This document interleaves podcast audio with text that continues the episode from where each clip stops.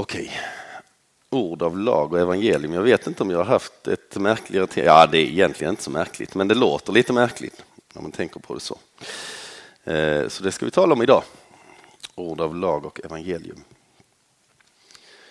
Eh, det måste vara bland det mest eh, omoderna man kan tänka sig i alla fall, tror jag. Framförallt utanför kyrkan. Men jag tror faktiskt också i kyrkan att det är väldigt omodernt att prata om lag och evangelium i de flesta kretsar. Eh, folk skulle idag förmodligen inte ha en aning om vad vi pratar om. Och jag är inte så säker på att ni som sitter här har en susning heller faktiskt. Om jag ska vara helt ärlig. Ehm, lag. Lag känner vi till, liksom Svea rikes lag. Det måste ju ha med juridik att göra på något sätt. Och evangelium, det är väl någon slags bok i Bibeln, är det inte det? Evangelium enligt Matteus eller något sånt. Ja. Jag ska se. Hade det här varit Puls 1913, då hade ni sett väldigt annorlunda ut. Men framför allt så hade varenda kotte förstått vad den här rubriken betyder. Det hade varit helt glasklart vad vi pratar om. Och de skulle ha sagt att det finns ingenting viktigare för en kristen än att rätt kunna skilja mellan lag och evangelium. Nu är det Puls 2013. Och som sagt var, jag tvivlar på att det är speciellt många av er som förstår vad de här begreppen egentligen betyder. Men jag hoppas och tror att det är många av er som praktiserar det, för det är faktiskt det viktigaste. Därför att det är en förutsättning för en kristen att rätt kunna skilja mellan lag och evangelium. Kan vi inte göra det, då är vi inte kristna helt enkelt. Då är vi religiösa, men knappast kristna. Jag ska inte använda de här begreppen speciellt mycket. Eh, jag ska inte prata så mycket om lag och evangelium en liten stund i nästa pass bara. Men, eh, men jag vill försöka få fram poängen. Det är det som är det viktiga idag. Så vi ska börja med att svara på en, en annan fråga. Nämligen, vad ska jag göra för att få evigt liv? Vad ska jag göra för att få evigt liv? Det finns faktiskt ingen fråga som kan vara viktigare än den. Och Jesus får frågan två gånger.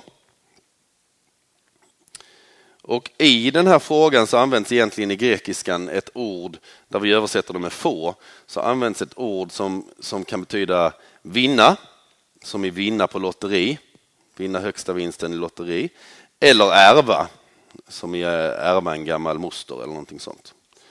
Någon som har en massa pengar. Så det låter i alla fall som att det är eh, något väldigt bra att få evigt liv. Det är som högsta vinsten i Lotto, fast mycket mer. Och det är som att ärva en gammal moster, fast mycket mer. Jag hade förutsätter att ni har en rik moster. Men ja.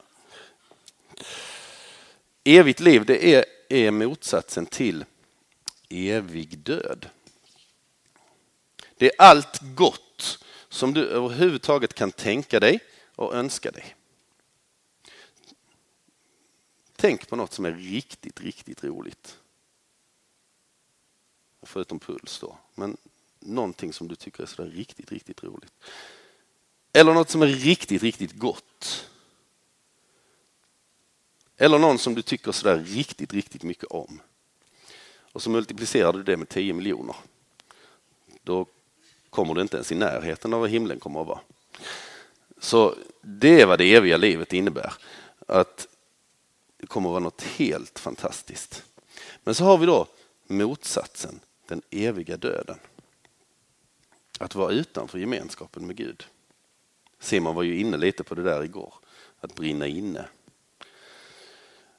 Det betyder att ondskan får härja fritt Gud finns inte där längre för att sätta stopp för det onda. En evig rädsla, en evig ångest, en evig saknad, ett evigt lidande. Det är vad Bibeln talar om. Så vi kan göra motsatsen här, vi kan tänka på det allra, allra värsta vi någonsin har upplevt i våra liv.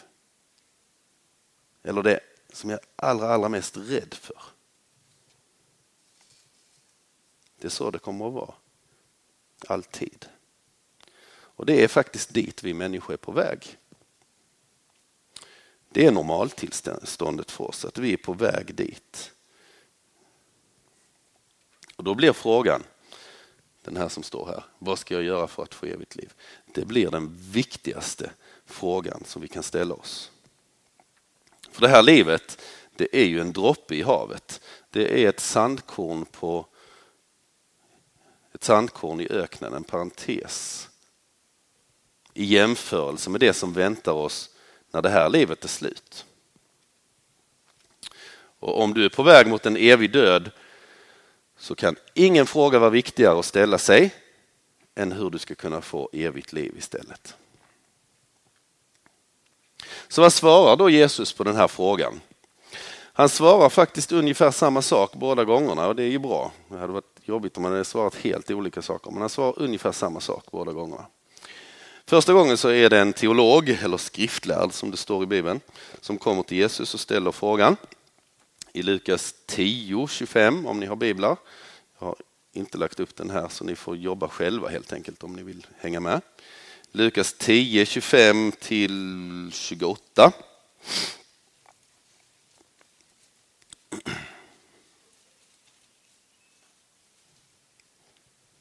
Kan jag passa på att ta en klunk vatten medan ni Slå upp det.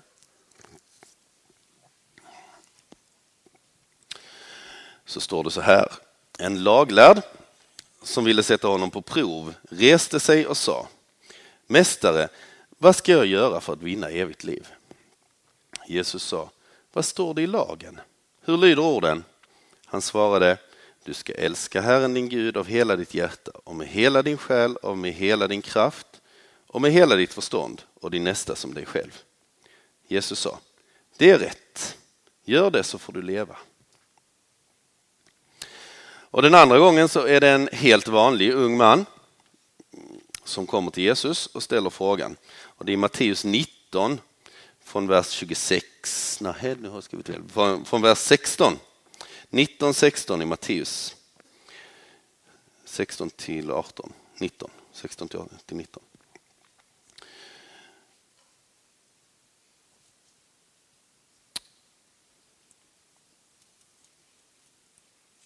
Och då står det så här. Då kom en man fram till honom och frågade Mästare, vad ska jag göra för gott för att få evigt liv? Jesus sa Varför frågar du mig om vad som är gott? Det finns bara en som är god. Men vill du gå in i livet så håll budorden. Vilka? frågade han och Jesus svarade Dessa du ska inte dräpa, du ska inte begå äktenskapsbrott, du ska inte stjäla, du ska inte vittna falskt, Visa aktning för din far och din mor och du ska älska din nästa som dig själv. Man kan ju tycka att Jesus verkar ge olika svar, men i grund och botten så är det samma svar han ger. Eh, det du ska göra för att få evigt liv, det är att hålla Guds bud. Det som vi teologer också brukar kalla Guds lag eller lagen. De krav som Gud ställer på oss människor. Om vi håller buden så får vi evigt liv. Lätt som en plätt. Och det verkar ju inte helt orimligt när vi läser texten så här. Vi ska älska Gud, vi ska älska vår medmänniska, vi ska inte döda, vi ska inte skilja oss, vi ska inte stjäla, vi ska inte ljuga och så ska vi vara snälla mot våra föräldrar. Det borde inte vara helt omöjligt om vi verkligen försöker. Och det är just vad de här två männen tycks mena när de, när de svarar Jesus. Så, så är det teologen försöker komma vidare i resonemanget och så frågar han vem är det då egentligen som är min nästa, alltså min medmänniska, som är den som jag ska älska? Och den unge mannen han konstaterar att ja, det här har han klarat sedan han var ung, sedan han var barn. Och det här det bränner till, därför att Jesus utmanar den här unge mannen. Han säger så här till honom. Om du vill bli fullkomlig, så gå och sälj allt du äger och ge åt de fattiga. Då får du en skatt i himlen. Kom sedan och följ mig.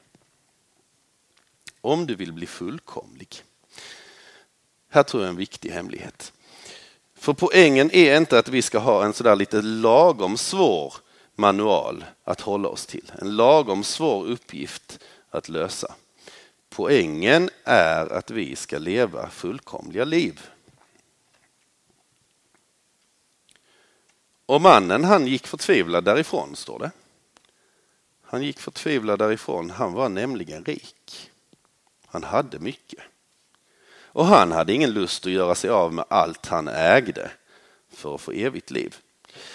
Han hade förväntat sig en lite lagom svår uppgift. Inte en omöjlig uppgift. För det är just det som Jesus kräver oss, av oss, att vi ska vara fullkomliga. Så det är det första svaret egentligen som ges på den här frågan. Vad ska jag göra för att få evigt liv? Var fullkomlig. Nu ska vi titta lite på vad Jesus egentligen kräver av oss. Vi ska läsa några bibeltexter. Och vi kan ju börja med att se vad Jesus säger om de tio budorden. De har ni lärt er när ni konfirmerades, eller hur? Alla kan dem utan till. Du ska inte ha andra gudar vid sidan av mig. Du ska inte missbruka Herrens, din Guds namn. Till Herren kommer inte att lämna den ostraffad som missbrukar hans namn. Tredje, tänk på sabbatsdagen, så att, eller tänk på att hålla sabbatsdagen helig. Jag kommer bara ihåg dem i den gamla, gamla formen från, eh, ja, när det nu var, 1975. Visa aktning för din far och din mor så att du får leva länge i det land som Herren din Gud ger dig. Du ska inte dräpa, du ska inte begå äktenskapsbrott, du ska inte stjäla, du ska inte vittna falskt mot din nästa, du ska inte ha begär till din nästas hus och du ska inte ha begär till din nästas hustru.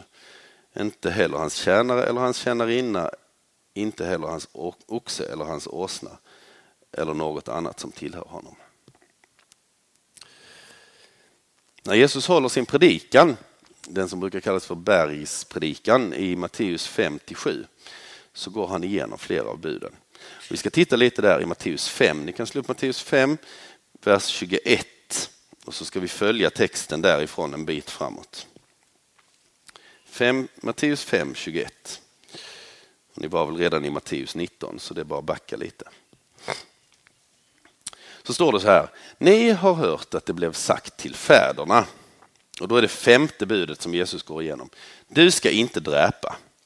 Den som dräper undgår inte sin dom. Men jag säger er, den som blir vred på sin broder undgår inte sin dom. Den som okvädar sin broder undgår inte att ställas inför rådet. Och den som förbannar honom undgår inte helvetets eld. Om du bär fram din gåva till offeraltaret och där kommer ihåg att din broder har något otalt med dig, så låt din gåva ligga framför altaret. Och gå först och försona dig med honom. Kom sedan tillbaka och bär fram din gåva. Skynda dig att komma överens med din motpart medan ni ännu är på väg, så att han inte överlämnar dig åt domaren och domaren lämnar dig till vakten och du sätts i fängelse. Sannerligen, du slipper inte ut förrän du har betalat till sista öret.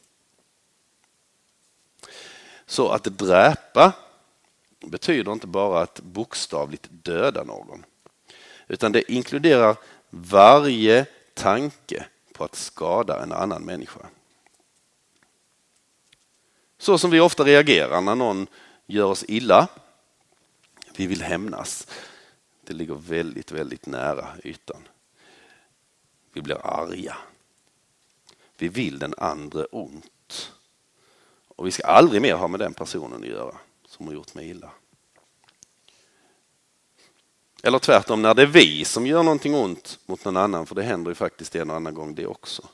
När vi säger någonting dumt om en man, annan människa eller till någon annan människa, när vi skadar någon med våra ord, så är Jesus otroligt drastisk. När du blir arg på en annan människa så kommer du att dömas, säger han. När du säger något dumt till någon annan så ska du ställas inför Guds domstol. Och när du förbannar en annan människa så kommer du inte att undgå helvetets eld. För du ska vara fullkomlig. Du ska älska din medmänniska lika mycket som dig själv.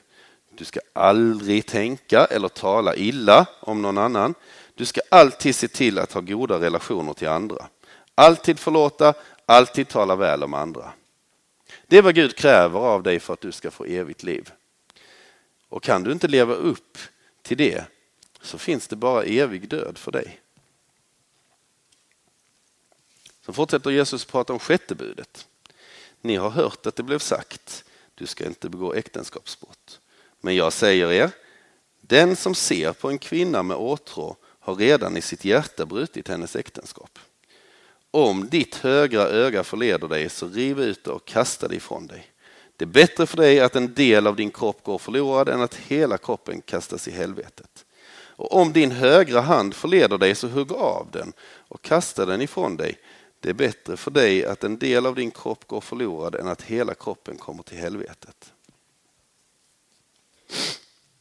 Att begå äktenskapsbrott är alltså inte bara att vara otrogen eller att skilja sig, utan det inkluderar alla orena tankar på det sexuella området.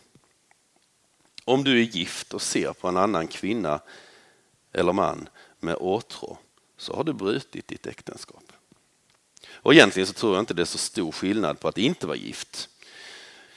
Inte så att vi ska, ska förneka vår sexualitet, men jag är säker på att för många av oss så är det inte så lätt att hålla de där tankarna och begären helt rena och fläckfria. När du surfar på nätet så är det väldigt lätt hänt att man halkar in på en sida med kvinnor, och möjligen män, men mest kvinnor som inte har så mycket kläder på sig. Eller när du tittar på tv eller film, eller läser serietidningar för den delen, då kommer de här smutsiga tankarna. Och jag är helt hundra procent övertygad om att väldigt många av oss som sitter här kämpar med detta. Jag lekte faktiskt ett tag med tanken här på att ta fram alla killedarna och be dem som aldrig har porrsurfat att gå ner och sätta sig igen. Jag tror faktiskt, om jag ska vara helt ärlig, att de, ganska många hade stått kvar. För sådana är vi, vi dras mot det orena. Och Jesus är väldigt, väldigt krass. Han säger om ditt öga förleder dig så är det bättre att riva ut det än att kastas i helvetet. Jag ser inte så många här som har gjort det. Eller om din hand förleder dig, då är det bättre att hugga av den och kasta den ifrån dig och komma till himlen handlös än att komma till helvetet med hela sin kropp. Det är ord och inga visor. Jesus menar allvar här. Den som har orena begär platsar inte i Guds rike. Och kan du inte leva upp till det så finns det bara en evig död för dig. Sen fortsätter han med åttonde budet.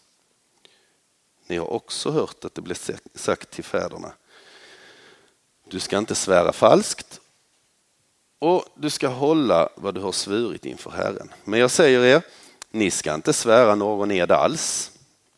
Inte vid himlen, till den är Guds tron, inte vid jorden, till den är pallen under hans fötter, inte vid Jerusalem, till det är den store konungens stad, inte heller ska du svära vid ditt huvud, ty du kan inte göra ett enda hårstrå vitt eller svart. Vad ni säger ska vara ja eller nej, allt därutöver kommer från det onda. Jesus vänder upp och ner på hela resonemanget här i åttonde budet. Du ska inte ljuga, säger, säger budet. Du ska aldrig lova något, säger Jesus. Att svära det, det, har ingenting med svordomar att göra här utan det är ju att, att avlägga en ed, ett löfte. Jag lovar att om jag ljuger om det här så ska du få min bil, ungefär så. Men Jesus säger att vi ska tänka tvärtom. Du ska alltid tala sant och rätt. Om ditt tal är rent, om du talar sanning, om du är fullkomlig, då behöver du inte lova saker och ting. Då vet alla redan att det du säger är sant. Då vet man att man kan lita på dig. Då finns det aldrig något som är tvetydigt, ironiskt, sarkastiskt, smålögnaktigt i ditt tal. Då utesluter du inte saker som du skäms för. Då ligger allt i öppen dager allt du säger är rent och sant. Det är vad det åttonde budet innebär. Och kan du inte leva upp till det så finns det bara evig död för dig. Jag hör inte så många halleluja här idag. Lite allvarliga saker vi pratar om. Vi ska prata om hämnd, för det är vad Jesus fortsätter med. Ni har hört att det blev sagt öga för öga och tand för tand. Men jag säger er, Värj er inte mot det onda. Nej, om någon slår dig på högra kinden, så vänd också den andra mot honom. Om någon vill processa med dig för att få din skjorta, så ge honom din mantel också. Om någon vill tvinga dig att följa med en mil i hans tjänst, så gå två mil med honom. Ge åt den som ber dig och vänd inte ryggen åt den som vill låna av dig. Så hur ska vi tänka när vi blir orättvist behandlade? När någon slår mig, då säger Jesus, ja då ska du låta honom slå en gång till. När någon försöker sno något från mig, ja då ska du ge honom ännu fler saker än det som han redan har tagit. Om någon tvingar dig att göra något du inte vill, här finns såklart en gräns, men, men principen, då ska du göra det han begär plus lite till, lika mycket till, säger Jesus. Alltså vi pratar inte om, om våldtäkt och liknande sådana här saker. Det, det, finns liksom en gräns för, för saker och ting. Men när jag blir orättvist behandlad, det är det det handlar om. Då ska jag svara med att, att göra ännu mer gott mot den här personen. Därför att i Guds rike så finns det inte någon plats för hämnd, där finns det bara plats för kärlek. Till och med när hela ditt jag skriker efter rättvisa, då finns det bara plats för kärlek. Och kan du inte leva upp till det så finns det bara evig död för dig. Och för att ställa saken på sin spets så fortsätter Jesus med att säga att vi ska älska våra fiender och be för dem som förföljer oss.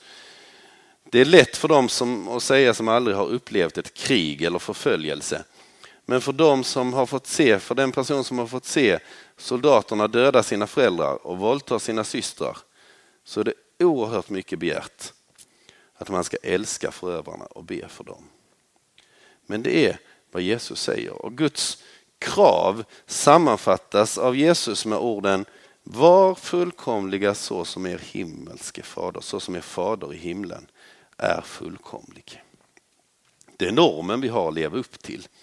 Gud är fullkomligt ren och helig. Nu är det din plikt att vara fullkomligt ren och helig. Annars finns det ingen himmel för dig.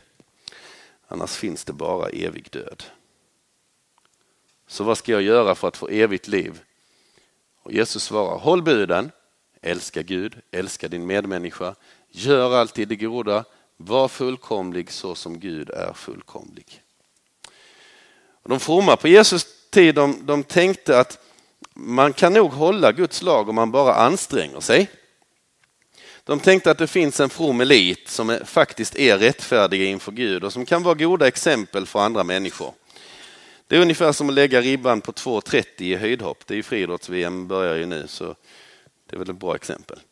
Ni vet världsrekordet är väl 2,45 tror jag. Så vi lägger ribban på 2,30 och så tränar vi och tränar och tränar och tränar och det är inte helt omöjligt för en människa att klara det. Det finns ett antal människor i, i historien som har klarat 2,30 höjdhopp. Men det Jesus gör, det är att han lägger upp ribban mycket högre. Han lägger den på 5,30 och du har ingen stav. Så hur mycket du än tränar och tränar och tränar så kommer du aldrig att nå upp till de krav som Jesus ställer. Det är omöjligt. Han utmanar oss att vara lika fullkomliga och heliga som Gud är. Han utmanar oss till total efterföljelse. Och Det ska vi titta lite på nu, vad Jesus kräver oss när det gäller efterföljelse. Ehm, så min respons på det här är att det låter svårt, det låter faktiskt omöjligt till och med. Men finns det mer? Ja, det finns mer. Jesus säger lev i total överlåtelse. Vi har redan läst den här berättelsen om den unge rike mannen, han som ville få evigt liv. Och Jesus säger ju till honom att det finns bara en väg till evigt liv. Det är total efterföljelse. Gå och sälj allt du äger. Ge det till de fattiga. Kom sen och följ mig. Det är den enda vägen. Att följa Jesus, det kostar allt. Det finns ingenting som får vara viktigare i livet. Och det ställs ytterligare på sin spets när en annan man kommer och vill följa Jesus. I Matteus 8, vers 18 så kan vi läsa Till en annan sa han, följ mig. Men mannen svarade, Herre, låt mig först gå och begrava min far. Då sa Jesus, låt de döda begrava sina döda, men gå själv och förkunna Guds rike. Tänk dig in i den situationen att din mamma eller pappa precis har dött. Och så kommer Jesus och säger till dig att nu ska du följa mig. Det är klart att du svarar att men jag måste få lite tid på mig att, att sörja och begrava min förälder först. Men för Jesus är inte det ett alternativ. Låt de döda begrava sina döda, säger han. Det är oerhört hårda ord. Min svärfar dog nu i sommar och när man läser den här texten så kan man riktigt känna hur upprörd man blir. Vadå? Låt de döda begrava sina döda. Men Jesus ställer saken på sin spets. Det finns ingenting som är viktigare än att följa Jesus. Eller lyssna till det här från Lukas 10, 26.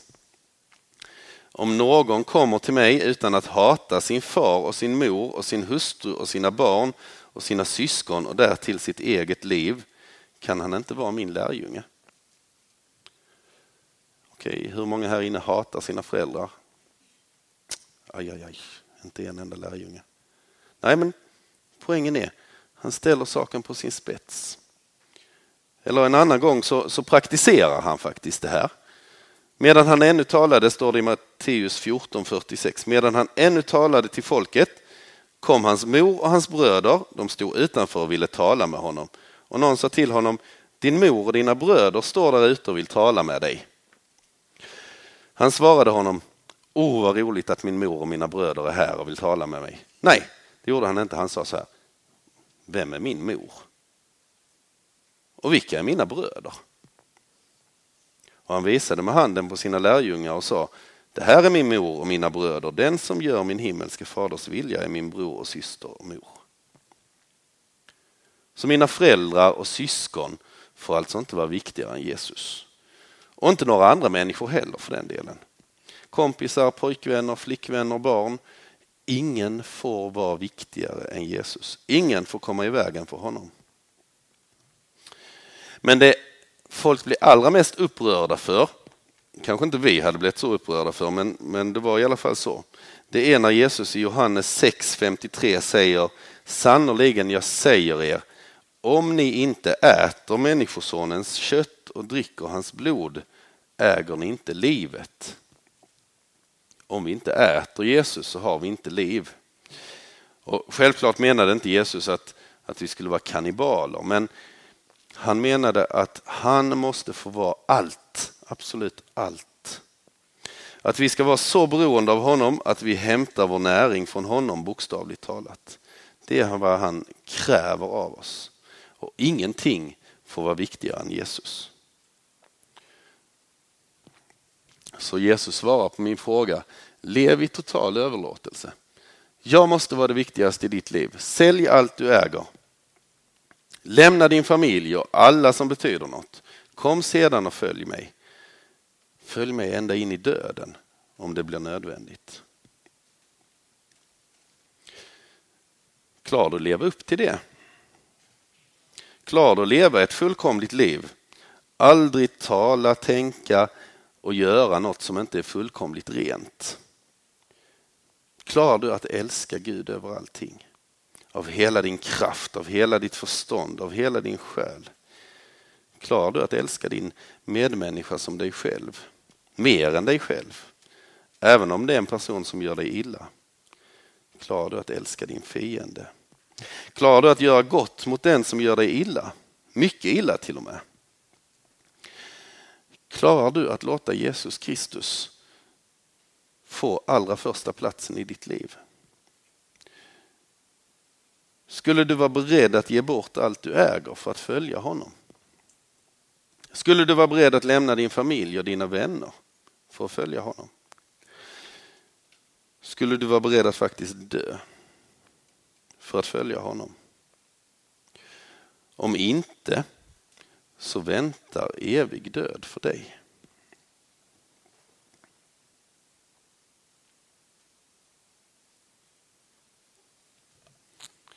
Nej, det vet jag inte om jag klarar. Och Jesus säger nej, det tror jag inte du gör. Det gör ingen. Ingen klarar det. Och när jag har undervisat konfirmander om det här Jag brukar ha ungefär det här passet med konfirmander. Om de krav som Jesus faktiskt ställer på oss så får jag nästan alltid reaktionen av någon som räcker upp handen så säger de Men då är det ju kört. Då är det ju kört för mig. Vi får så ofta för oss att kristen tro handlar om att vi ska vara så goda som vi bara kan. Och då kanske Gud är god tillbaka mot oss. Om jag bara anstränger mig så mycket jag kan att göra gott så, så kanske Gud är nådig mot mig. Och om du tror så så ska jag berätta en hemlighet för dig. Då är du inte kristen. Då är du muslim. Då ska du gå härifrån och då ska du gå till moskén. Därför att islam tänker så. Jag gör så gott jag kan. Så kanske Gud är nådig mot mig på domens dag. Om du inte alls tycker om muslimer och inte tycker om att bli kallad för muslim så kanske jag kan kalla dig för farisé istället. I så fall. För det var fromisar på Jesus tid som tänkte precis så här. Jag gör så gott jag kan. Jag anstränger mig till det yttersta. Och så kommer Gud att vara nådig mot mig. Men en sak är säker. Du är i alla fall inte kristen. För kristen tro handlar om någonting annat. Det är kört för dig. Frågan är felställd från början. Frågan är inte vad ska jag göra för att få evigt liv? Det är en meningslös fråga. Svaret är att du kan bara få evigt liv om du är fullkomlig. Och det är kört för dig om du tror att du kan göra någonting för att få evigt liv. Jesus satte det på sin spets i en av sina liknelser, nu har jag inte ens skrivit upp var den står. Men det var en man som var skyldig kungen 10 000 talenter. Okej, en talent, det var 20 årslöner. Så den här mannen var skyldig kungen 200 000 årslöner. En svensk medellön eh, kollade jag upp på nätet vad det var och så räknade jag om det här. Så det är 68 miljarder kronor. Här kommer killen till kungen och så säger han Ge mig lite tid så ska jag betala tillbaka de 68 miljarder kronorna. Yeah right. Alltså, det är en helt absurd summa pengar. Dessutom måste du jobba i 200 000 år om du har ett vanligt jobb för att kunna betala tillbaka det här. Inte en liten tid. Och så är det med oss. När vi kommer till Gud och säger att vi vill göra någonting för att vi ska få evigt liv så blir det bara fånigt. Vi kan inte göra någonting för att få evigt liv. Den enda som kan få evigt liv det är den som är fullkomlig. Och vi är långt ifrån fullkomliga och heliga. Så det är kört för oss. Vi är dömda till döden om det är upp till oss själva. Men efter rasten så ska jag berätta om en annan väg till evigt liv ett annat svar. Så det är lite dumt om du går hem nu för att eh, då missar du liksom lite poängen med den här förmiddagen.